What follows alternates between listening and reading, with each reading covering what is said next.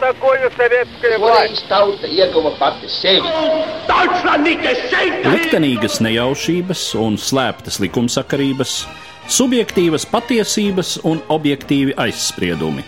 Pēc atkušņa nekad nenāk uzreiz pavasars, bet sākās Arī šodien cilvēki ir ļoti tūredzīgi. Viņi redz to naudu, kas ir. Televīzijā jau pamatā notiek cīņa par varu.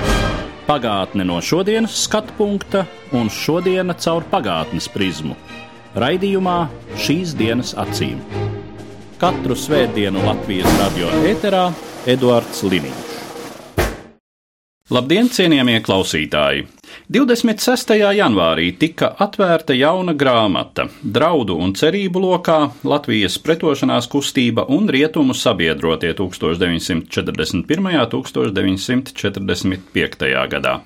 Grāmatas autors, vēsturnieks, Latvijas okupācijas muzeja pētnieks Uldis Neiburgs šodien ir mans studijas viesis. Labdien! Labdien!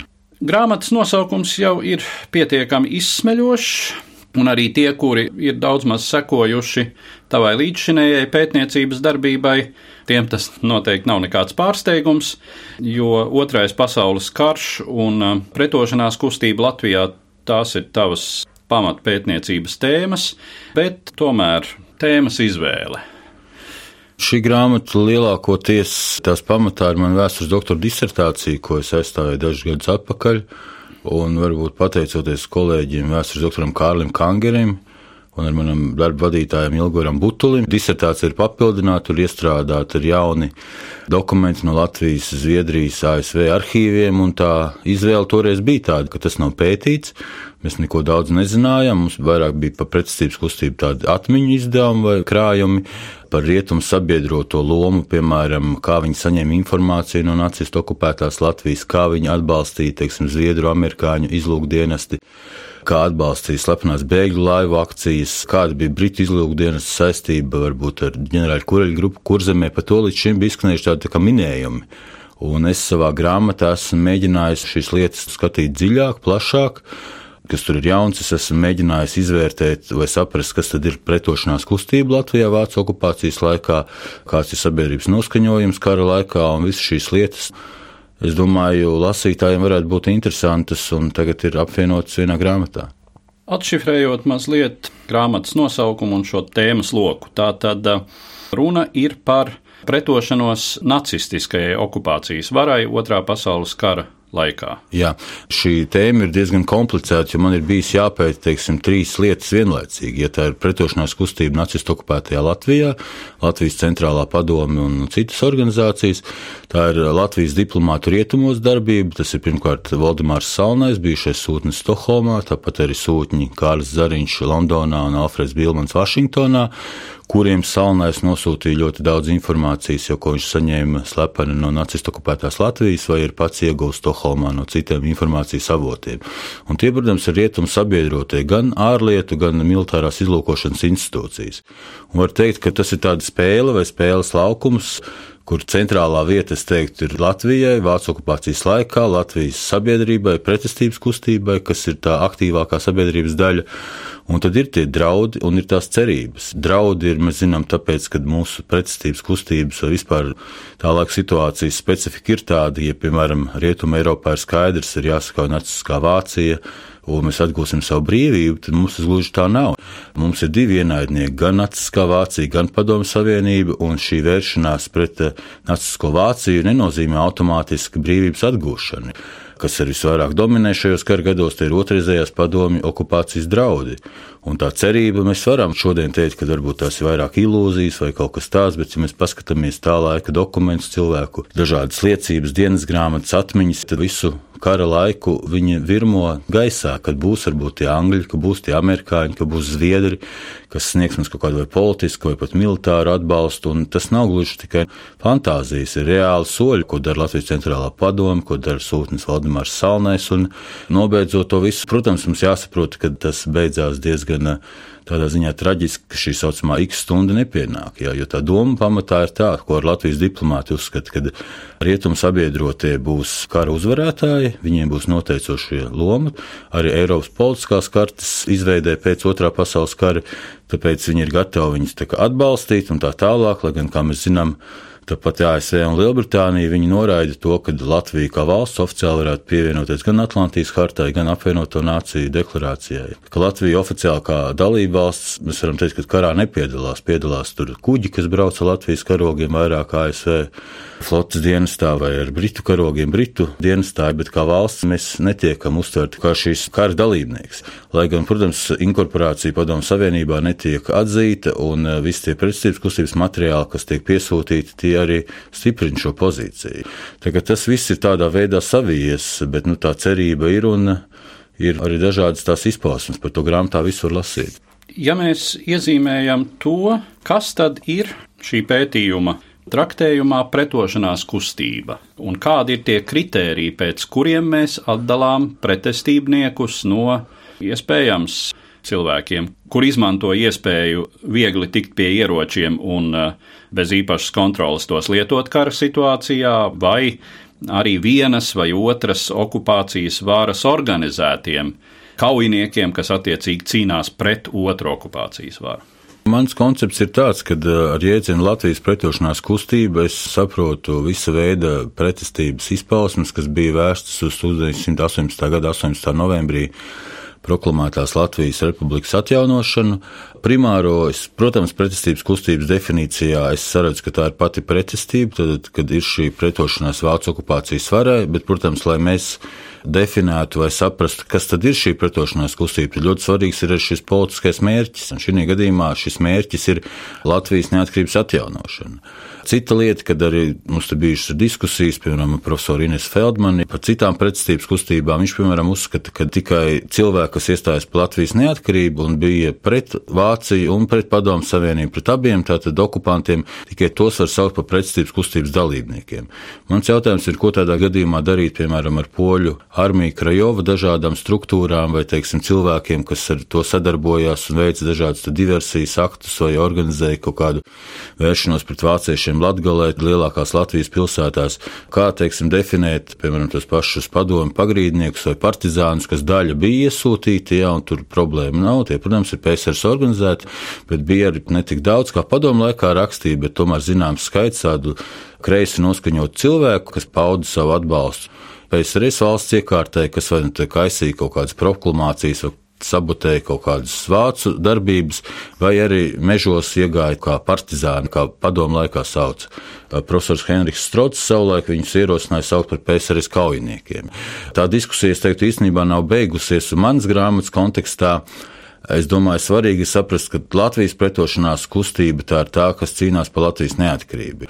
Vai mēs saucam tātad šos, kā es saucu, piemēram, vēl, kad es uzskatu, ka Latvijas teritorijā darbojās PSRS un Polijas pretestības kustības, un viņas izmanto vienkārši Latvijas teritoriju kā savu darbības arēnu cīņā pret nacisko Vāciju. Un neskatoties uz to, ka viņas ir citu valstu pretestības kustības, tas paradoks vai kurjos ir tāds, ka tajās piedalās arī Latvijas iedzīvotāji. Un Latvijas pilsoņi. Ar Latvijas pilsoņi, jā.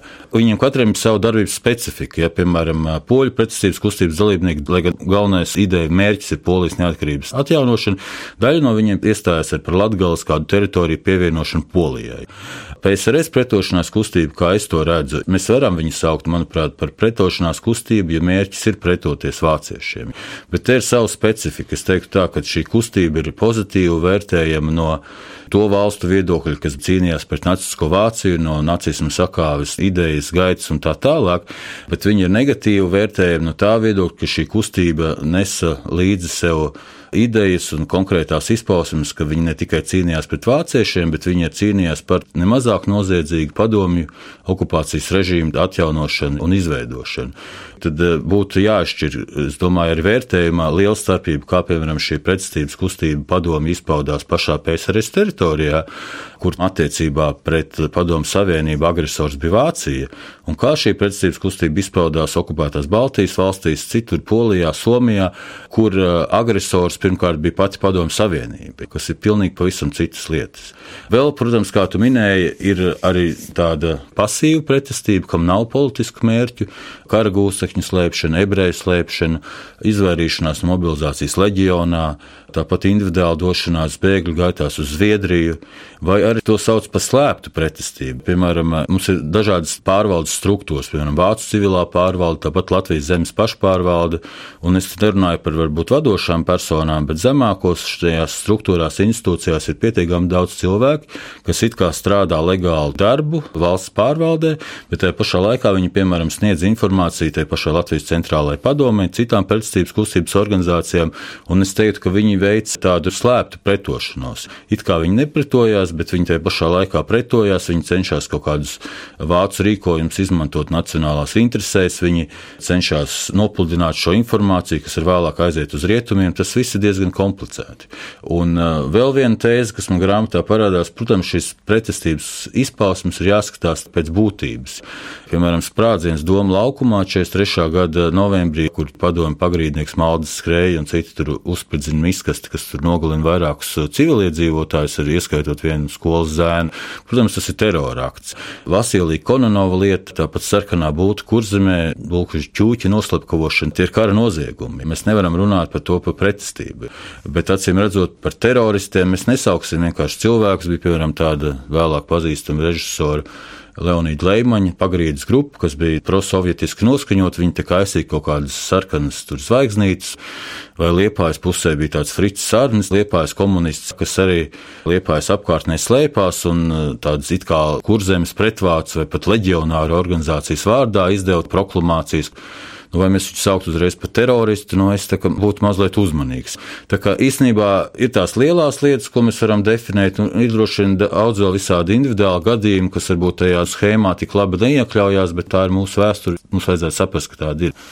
Jā, es domāju, to ir ļoti svarīgi saprast, ka šie individuālie likteņi un individuālās izvēles un motīvi ir nu, teiksim, tā, ļoti uzmanīgi un delikāti liekami šais lielajos vēstures plauktos. Tā tad mūsējais vai nemūsējais. Jā, es jau grāmatā, piemēram, rakstu vēl par tādu lietu. Šī radio raidījumā pieminējāt kaut kad ar kolēģiem, vēsturniekiem to 41. gada 11. jūlijas sanāksmi izglītības ministrijā. Latviešu organizācijas pārstāvi piedalās, kas izveido delegāciju braukšanai uz Berlīnu, pieņem pateicības telegramu Hitleram. Un tur gan, manuprāt, kļūdās, ja diezgan subjektīvi interpretē to visu kolēģis Marģers Vestermans, te nesen dažādos masu mēdījos paužot domu, ka tā bijusi gan rīz vai latviešu pārstāvju sanāksme ministra Valdmaņa vadībā, kas ir spriedusi par galīgā risinājuma pret ebrejiem pieņemšanu vēl 20 dienas pirms attiecīgām Heidricha direktīvām. Tur ir zināms neprecizitāts, jo tas 13 punktu memorands tiek izstrādāts kādu laiku vēlāk. Tur piedalās nejaušie visi sanāksmes dalībnieki, ieskaitot, piemēram, nacistu represēto Bernhardu Einbergu vai Ludvigu Sēju. Ne jau viņi ir tie, kas izstrādā memorandu, kad ir jāvēršās pret ebrejiem, poļiem, krieviem un tā tālāk. Bet kāpēc es pieminu šo sanāksmi, tas kurjos varbūt ir tāds, bet tas labāk palīdz saprast to komplicēto situāciju. Mūsdienās mēs atzinīgi vērtējam to 44. gada 17. marta pēc LCP iniciatīvas tapušo sabiedrisko darbinieku deklarāciju, ko parakstīja 188 cilvēki. Ja mēs paskatāmies tos parakstītājus, LCP veidojušo četru politisko partiju pārstāvi, tur ir kādi 11 cilvēki. Viņi ir diezgan mazi. Nav tur to politiķu. Es nezinu, vai nu viņi ir nobijušies par kaut ko, vai neskapēc nav aicināti, vai kaut kādu citu iemeslu ir bijuši, bet viņi tur nav. Tur ir drīzāk kultūras darbinieki, dažādi augstskolu mācību spēki, tur ir arī tie paši pašpārvaldes dažādu struktūru zemāku pārstāvi un tā tālāk, kur ir savā ziņā tā paralēla. Septiņi LCP dalībnieki vai memoranda parakstītāji piedalās šī pašā 11. jūlijas sanāksmē 41. gadā kuras mērķis ne jau ebreju jautājums, bet mērķis ir no vāciešiem panākt vismaz kaut kādu ierobežot suverenitāti un tā tālāk. 17 LCP memoranda parakstītāji paraksta arī 43. gada oktobrī jau līdzīgi iesniegumu leģiona ģenerāla inspektoram Bangerskim, kur arī prasa Latvijas valstiskumu atjaunošanu, tikai tad var mobilizēt cilvēkus un atjaunot Latvijas armiju. Un kolēģis Kārls Kangers, piemēram, ir saskaitījis, ka pati zemes pašpārvalde Vismaz 12 memorandus kara gados ir iesniegusi vāciešiem, ka, protams, viņi nerunā par 22. gada satvērsmi zinām iemeslu dēļ, bet viņi skaidri uzsver, ka Latvijas valsts okupācija ir nelikumīga un Latvija turpina pastāvēt kā starptautisko tiesību subjekts. atklāti tātad iesniedz, nevis slepus. Es negribu tagad eh, noliegt vienus vai izcelt otrus, bet, manuprāt, kopējais skatījums, varbūt arī tā toņkārta manai grāmatai ir tāda, kad es diezgan kritiski analizēju gan līdzinējo pētniecību par vācu okupācijas laiku ar pretestības kustību, gan varbūt arī bieži vien šīs Latvijas centrālās padomas darbību, piemēram, Leonīds Siliņš, citos darbos viņi ir vairāk tādi, es teiktu, glorificēti, daudz kas nav pateikts, ir lietas, kas ir noklusētas, un mēs esam paši ar sabiedrībā bieži vien bijuši diezgan politkorekti un esam tikai pa lielu karogu gājuši uz priekšu 22. gada satversme, neatkarīga un demokrātiska republika. Tas viss labi un skaisti, bet tā situācija situācija bija daudz komplicētāka tajā brīdī, kad cilvēkiem vajadzēja pieņemt lēmumus, rīkoties.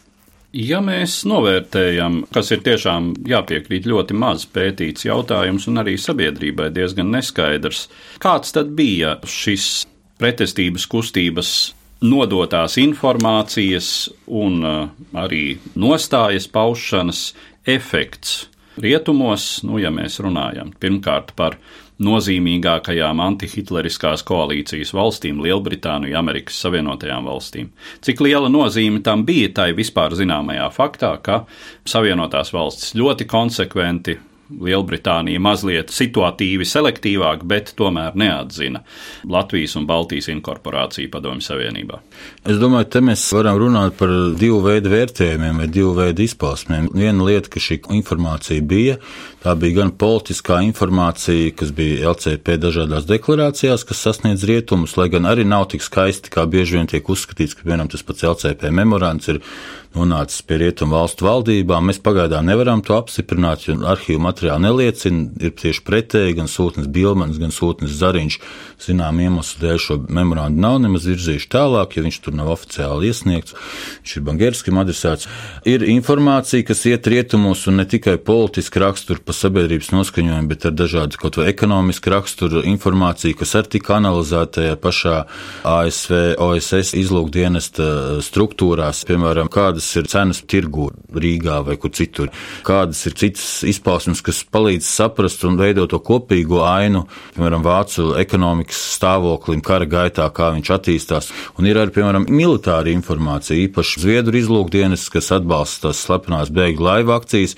Viņa īstenībā neatbalsta to tāpēc, lai briesmīgi humāna apsvēru dēļ, atšķirībā no amerikāņiem, piemēram, ASV karabēgļu padomu bija tā, kas finansēja 50 tūkstošu viedru kronām latviešu bēgļu laivas humāna apsvērumu dēļ glābt nacistu vajāšanu, nu, eventuālos upurus.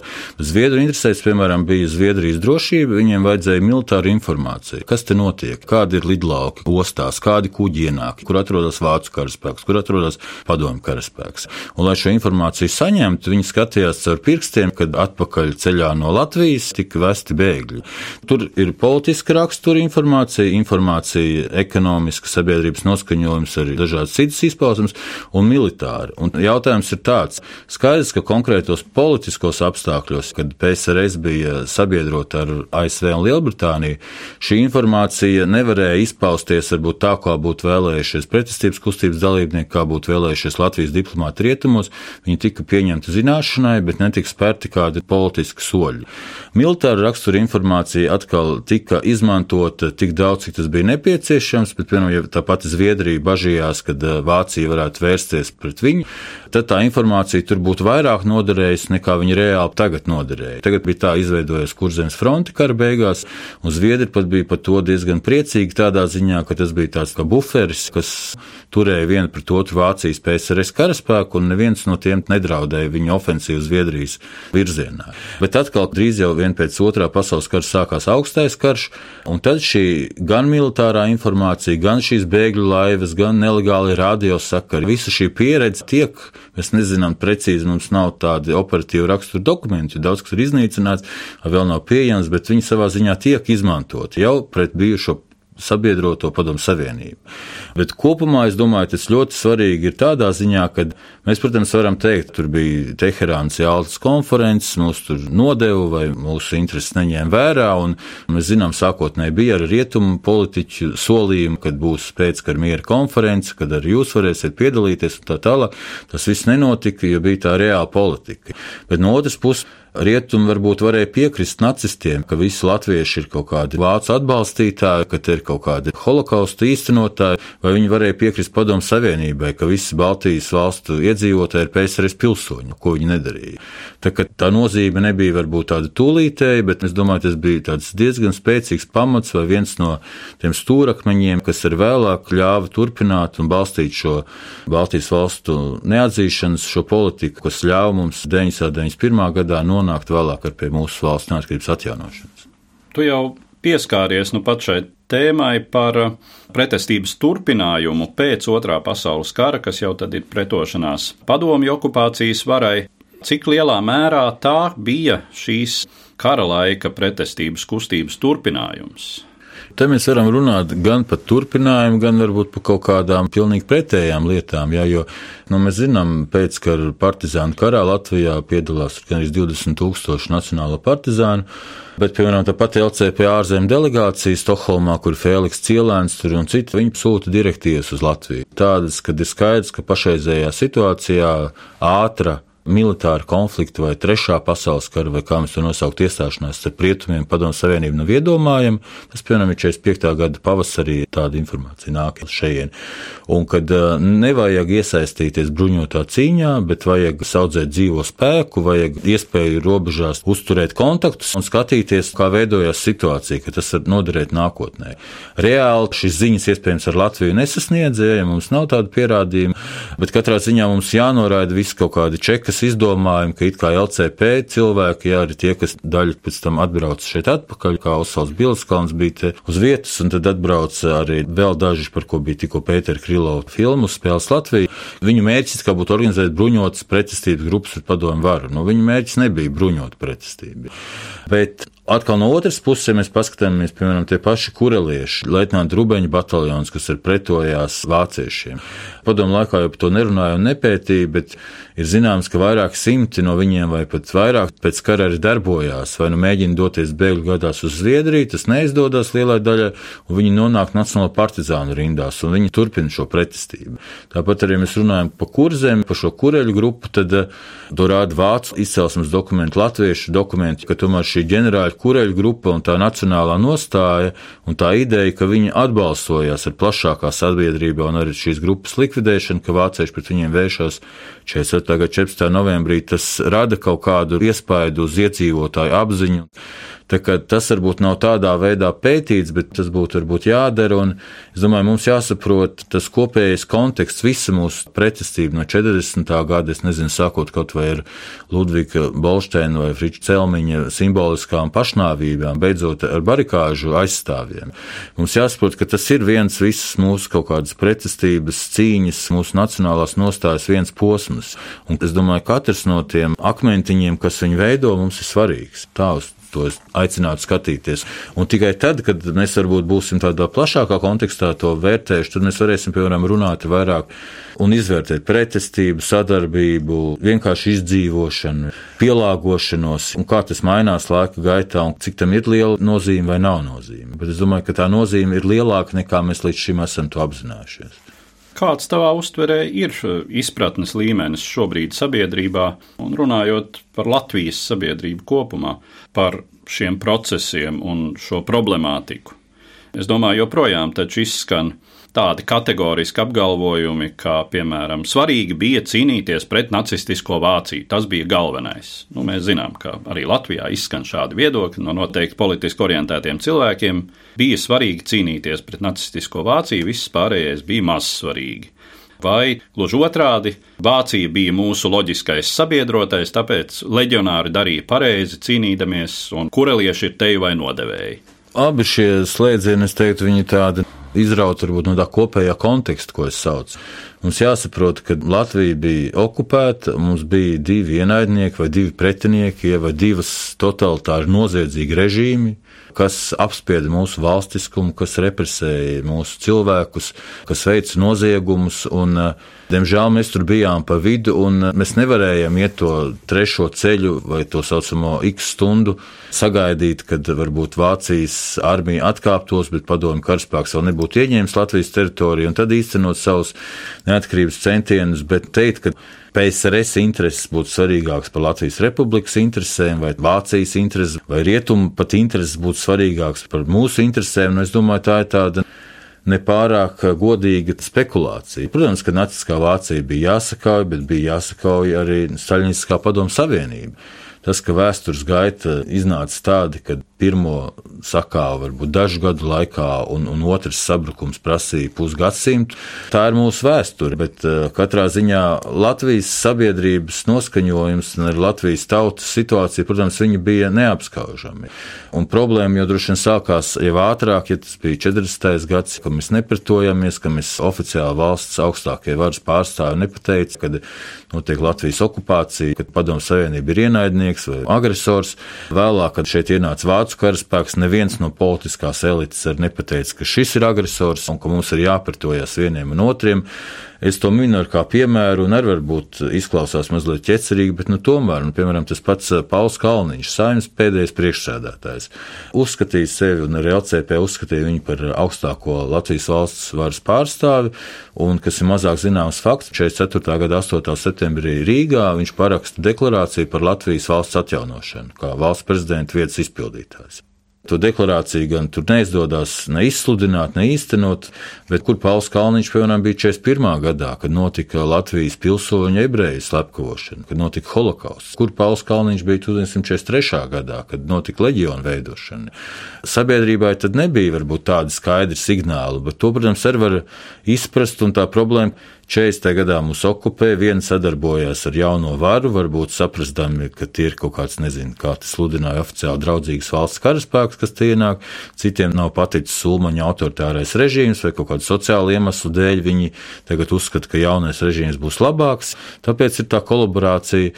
Viena sadarbojās padomi pirmajā okupācijas gadā, nākošie sadarbojās Vācu gadā atnāk padomu režīms atpakaļ, tie pirmie atriebjās otrajiem, pirms tam otrie ir paspējuši atriepties pirmajiem. Tas viss savijās kopā, un es parasti lietoju mazākā un lielākā ļaunuma tēzi.